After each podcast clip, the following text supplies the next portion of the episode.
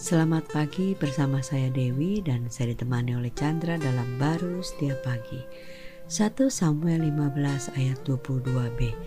Sesungguhnya mendengarkan lebih baik daripada korban sembelihan. Bahasa Inggrisnya lebih gampang dicerna ya dikatakan ketaatan lebih baik daripada persembahan.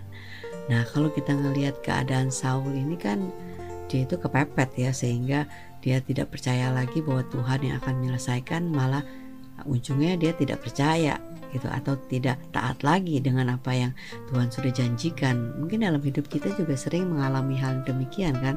Faktanya uh, kelihatannya kita terpepet, kita kekurangan atau kita ada masalah padahal kita tahu janji Tuhan sudah Tuhan selesaikan di atas kayu salib. Cuman fakta itu lebih berbicara kelihatannya.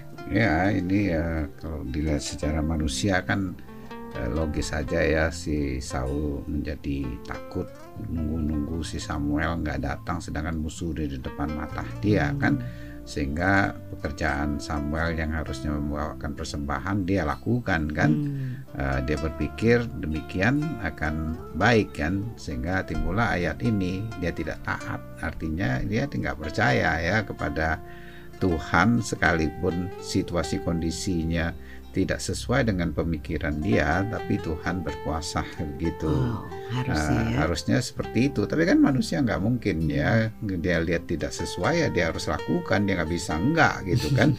Ada badai si Petrus ya nggak bisa enggak, dia akan ketakutan dan apa aja dia lakukan kan Betul. untuk itu. Yeah. Ya. Uh, sebenarnya sih uh, dalam hal ini untuk menunjukkan ya bahwa manusia itu kalau melihat dirinya percayanya tidak akan bisa ya dari batasan dirinya untuk mentaati kan akhirnya nggak percaya kan sehingga nggak hmm. taat kan nah di situlah tuh kita perlu melihat kepada Kristus yang telah menebus eh, kehidupan kita sehingga kita bisa melihat dia dan kita berpikir dia sudah selesaikan hmm. nah, sehingga kita bisa percaya soal eh, apa yang harus kita lakukan bukan lagi sebatas kita. Ya kan Tuhan kan nggak bergumul dengan permasalahan besarnya permasalahan yang ada di dunia ini. Hmm. nah, dia tenang. Maka itu uh, dia selalu uh, kadang kala berkata kepada umatnya itu uh, percaya berdiam dirilah. Karena dia.